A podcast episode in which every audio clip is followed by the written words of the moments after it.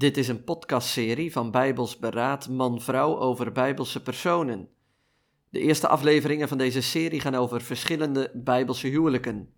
In deze veertiende aflevering staat dominee J.R. Visser met ons stil bij het huwelijk tussen Jozef en Maria.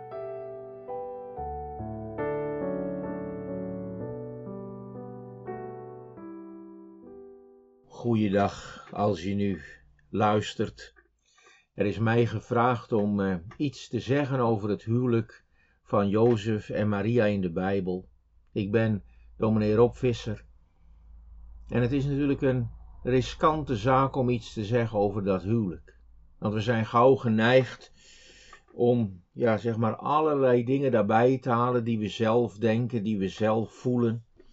En er is een groot gevaar dat we eigenlijk vanuit onze eigen situatie gaan invullen wat er tussen Jozef en Maria was.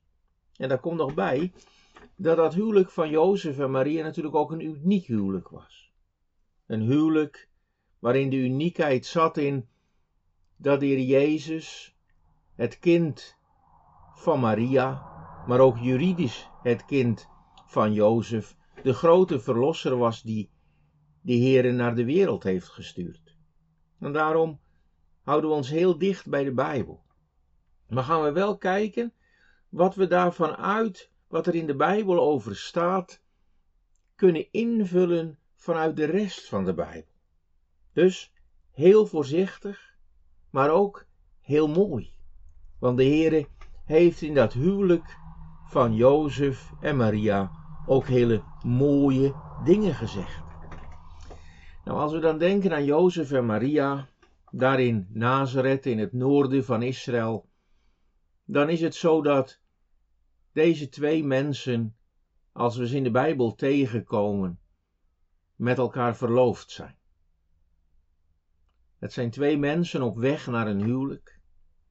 Het zijn ook twee mensen die in de voorbereiding op hun huwelijk dat ook echt voorbereiding laten zijn. Ze zijn niet met elkaar naar bed geweest. Maria zij is macht. Dat zullen we straks nog veel duidelijker zien.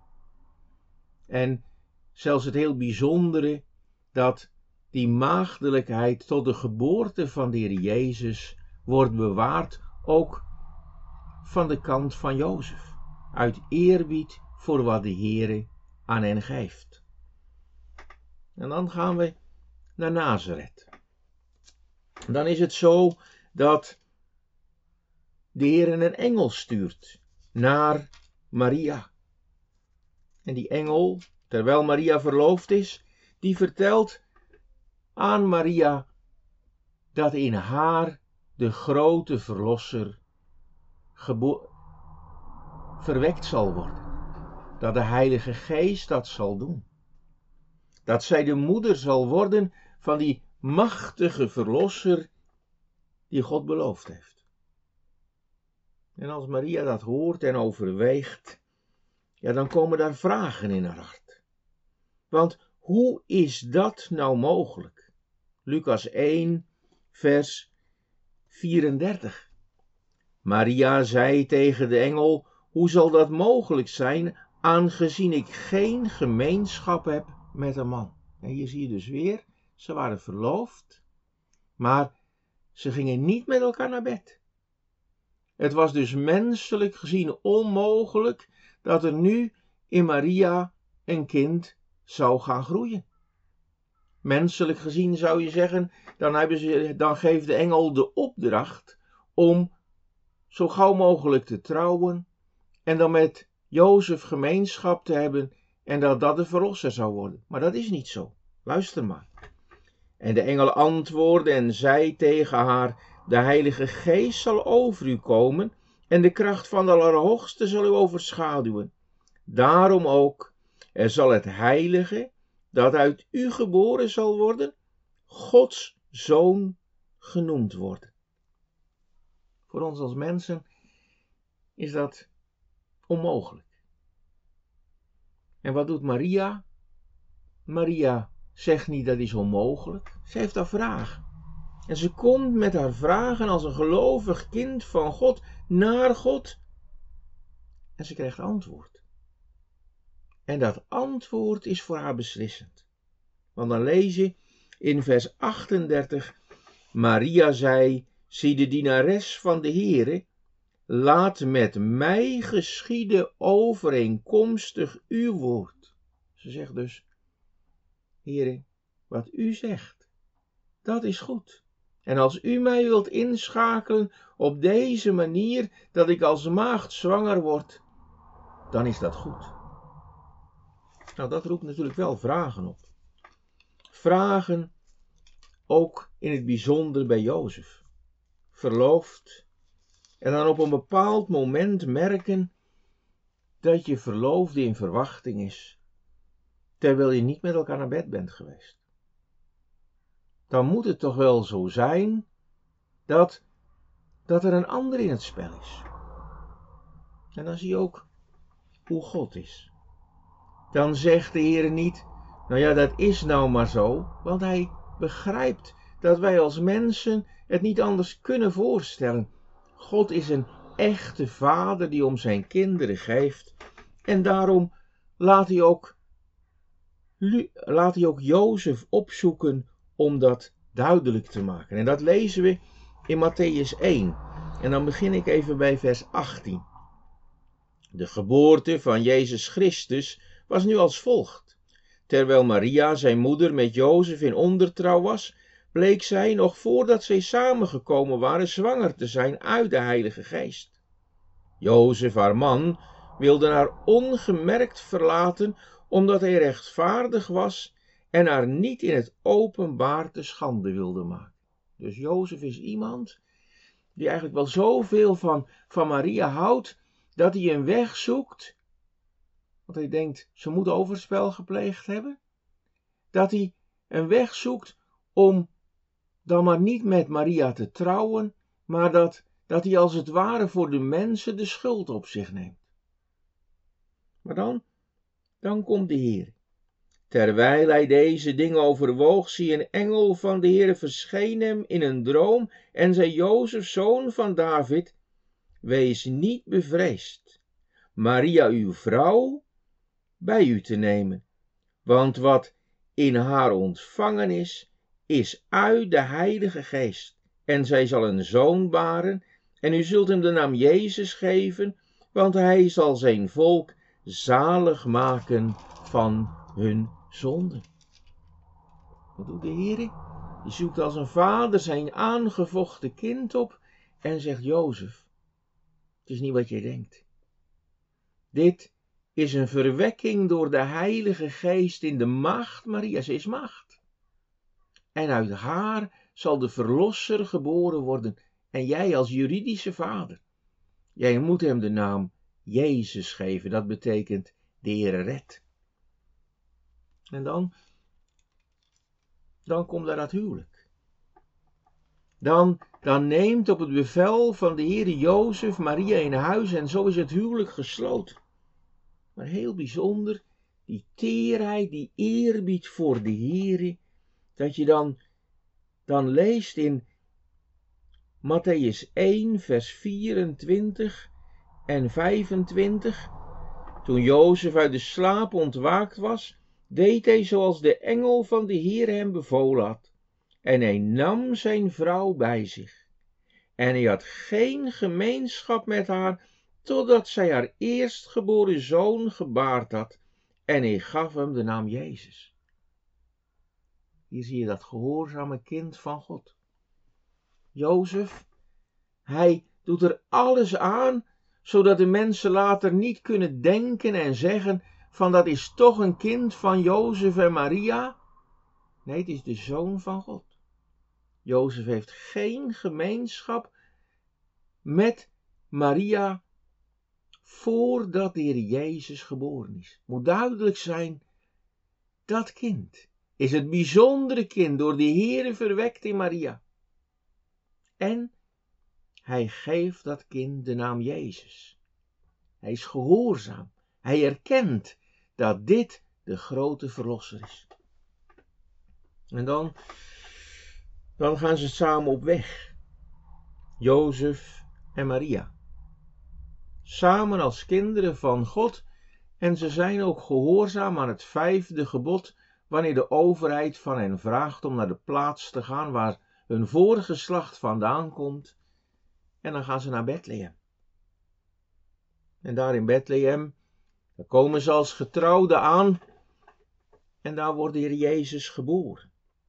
Hun eerstgeboren kind. En dat is ook heel belangrijk. Dat eerstgeboren kind, dat is het kind van God, zonder dat, dat Jozef daarbij ingeschakeld is. Maar dat betekent niet dat er verder geen seksuele gemeenschap heeft plaatsgevonden tussen Jozef en Maria. Het is niet zo dat dat huwelijk te heilig was en dat seksuele gemeenschap iets onheiligs is.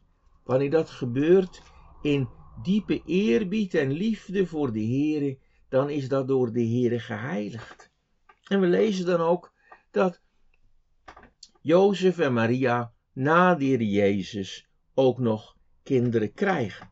En dan gaan we eerst eens even naar Matthäus 13 en daarvan de versen 54 tot en met 56. Matthäus 13, vers 54 tot 56.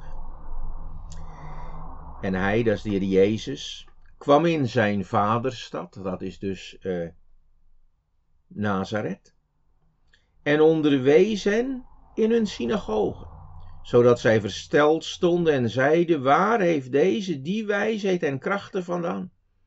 Is dit niet de zoon van de timmerman? dus heel duidelijk, Jozef was een heel gewoon iemand, daar in Nazareth hij was de timmerman. En heet zijn moeder niet Maria?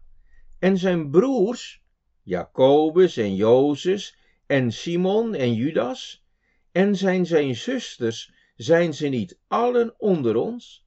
Waar heeft deze man dan dit alles vandaan? Dus Jezus valt op. Jezus heeft een heel bijzondere boodschap. Hij kent de schrift als geen ander.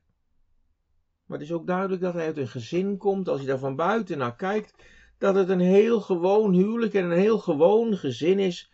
Want er zijn nog heel wat andere kinderen. hier worden sowieso al een aantal broers genoemd. En er waren ook zusters. Oftewel, een heel gewoon huwelijk, geheiligd door de Heere, waar de ouders in liefde voor de Heere leven.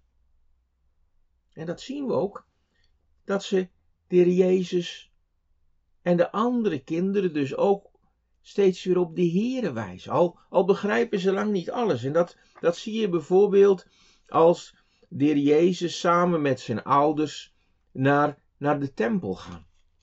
dan is de Jezus 12 jaar oud en dat lees je in Lucas 2. En dan gaan ze volgens de gewoonte, en dat is volgens bevel van de Heer, dat zoveel mogelijk op bepaalde dagen je ook naar de tempel in Jeruzalem gaat.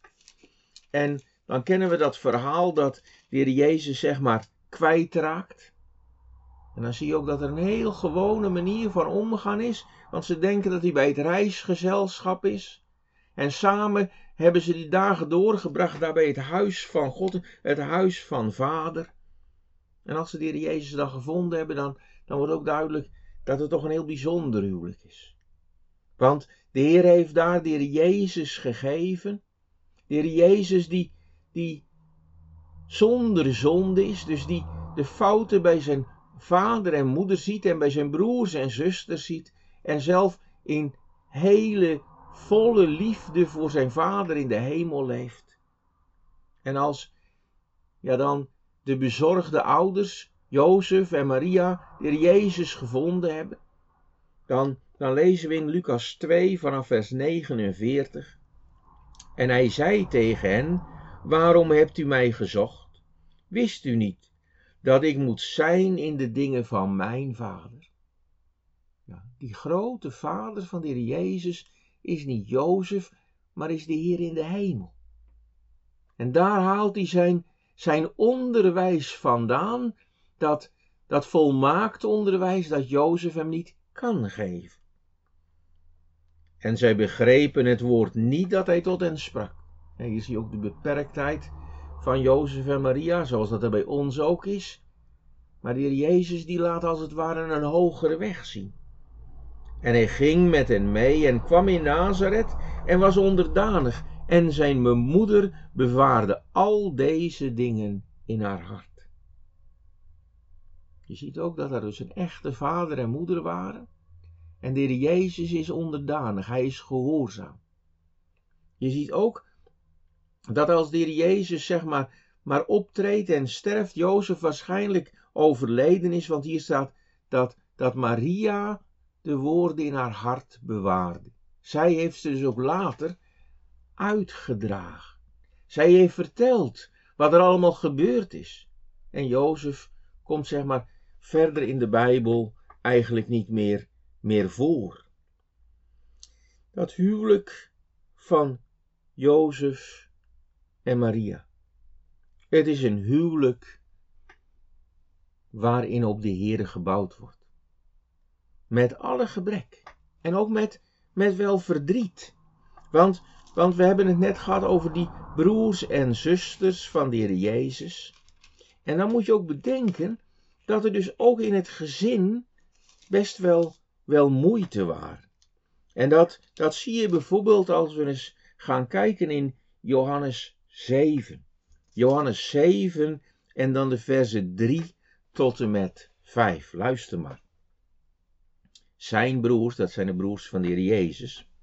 Zijn broers dan zeiden tegen hem: Vertrek van hier en ga weg naar, naar Judea, zodat ook uw discipelen de werken die u doet kunnen zien. Want niemand doet iets in het verborgene en streeft er tegelijk zelf naar eh, dat men openlijk over hem spreekt. Als u deze dingen doet, maak u zelf dan openbaar aan de wereld. Dus het lijkt erop alsof ze hem stimuleren om in het openbaar bezig te zijn. Maar ze hebben in feite kritiek. Want wat lees je dan in het volgende vers? Want ook zijn broers geloofden niet in hem. Dus de Jezus die daar in dat gezin leeft, die daar dat volmaakte voorbeeld geeft van een leven met de Heer, dat roept tegenstand op bij zijn broers en zusters. Hoe vader en moeder ook vertellen dat de Heer Jezus die ene bijzondere verlosser is. Ze geloven niet in hem. En daar zie je dus hoe wij als mensen, ook als, als dat volmaakte leven, die liefde van God in alle volmaaktheid die er in de Jezus was, als die naar ons toe komt, dat we het dan zelfs nog verwerpen. En gelukkig is het de Heilige Geest die later broers van de Jezus, zoals Jacobus en Judas, ook tot geloof brengt. Maar uit onszelf willen we dat niet. Zelfs niet als je de Jezus zo dichtbij hebt gehad. En dat laat zien dat we niet op onze eigen gevoelens moeten bouwen, ook niet onze huwelijken, maar dat we juist op de Heer hebben te bouwen, naar Hem hebben te luisteren, naar de Heer Jezus hebben te luisteren, om juist ons gevoel en ons leven ook in het huwelijk in Gods spoor steeds maar weer te brengen. Dat huwelijk van Jozef en Maria, dat is een heilig huwelijk. Omdat de Heer dat zo geheiligd heeft, dat daar de Heer Jezus is opgegroeid. Jozef en Maria hebben een prachtige taak van de Heer gekregen. En de Heer heeft ze geroepen en ze hebben gehoorzaam in al hun onvolmaaktheid en zondigheid die taak op zich genomen. En juist, dat is ook het geheim van een christelijk huwelijk, om juist in dienst van Christus man en vrouw te zijn en op te voeden. En die liefde van God en dat woord van God ook naar onze kinderen. En als we geen kinderen hebben, ook naar de samenleving en naar andere mensen steeds weer uit te dragen. En laten we zo kijken naar dat huwelijk dat de Heer gaf tussen Jozef en Maria, geheiligd om de Christus te mogen voortbrengen. Dank voor je aandacht.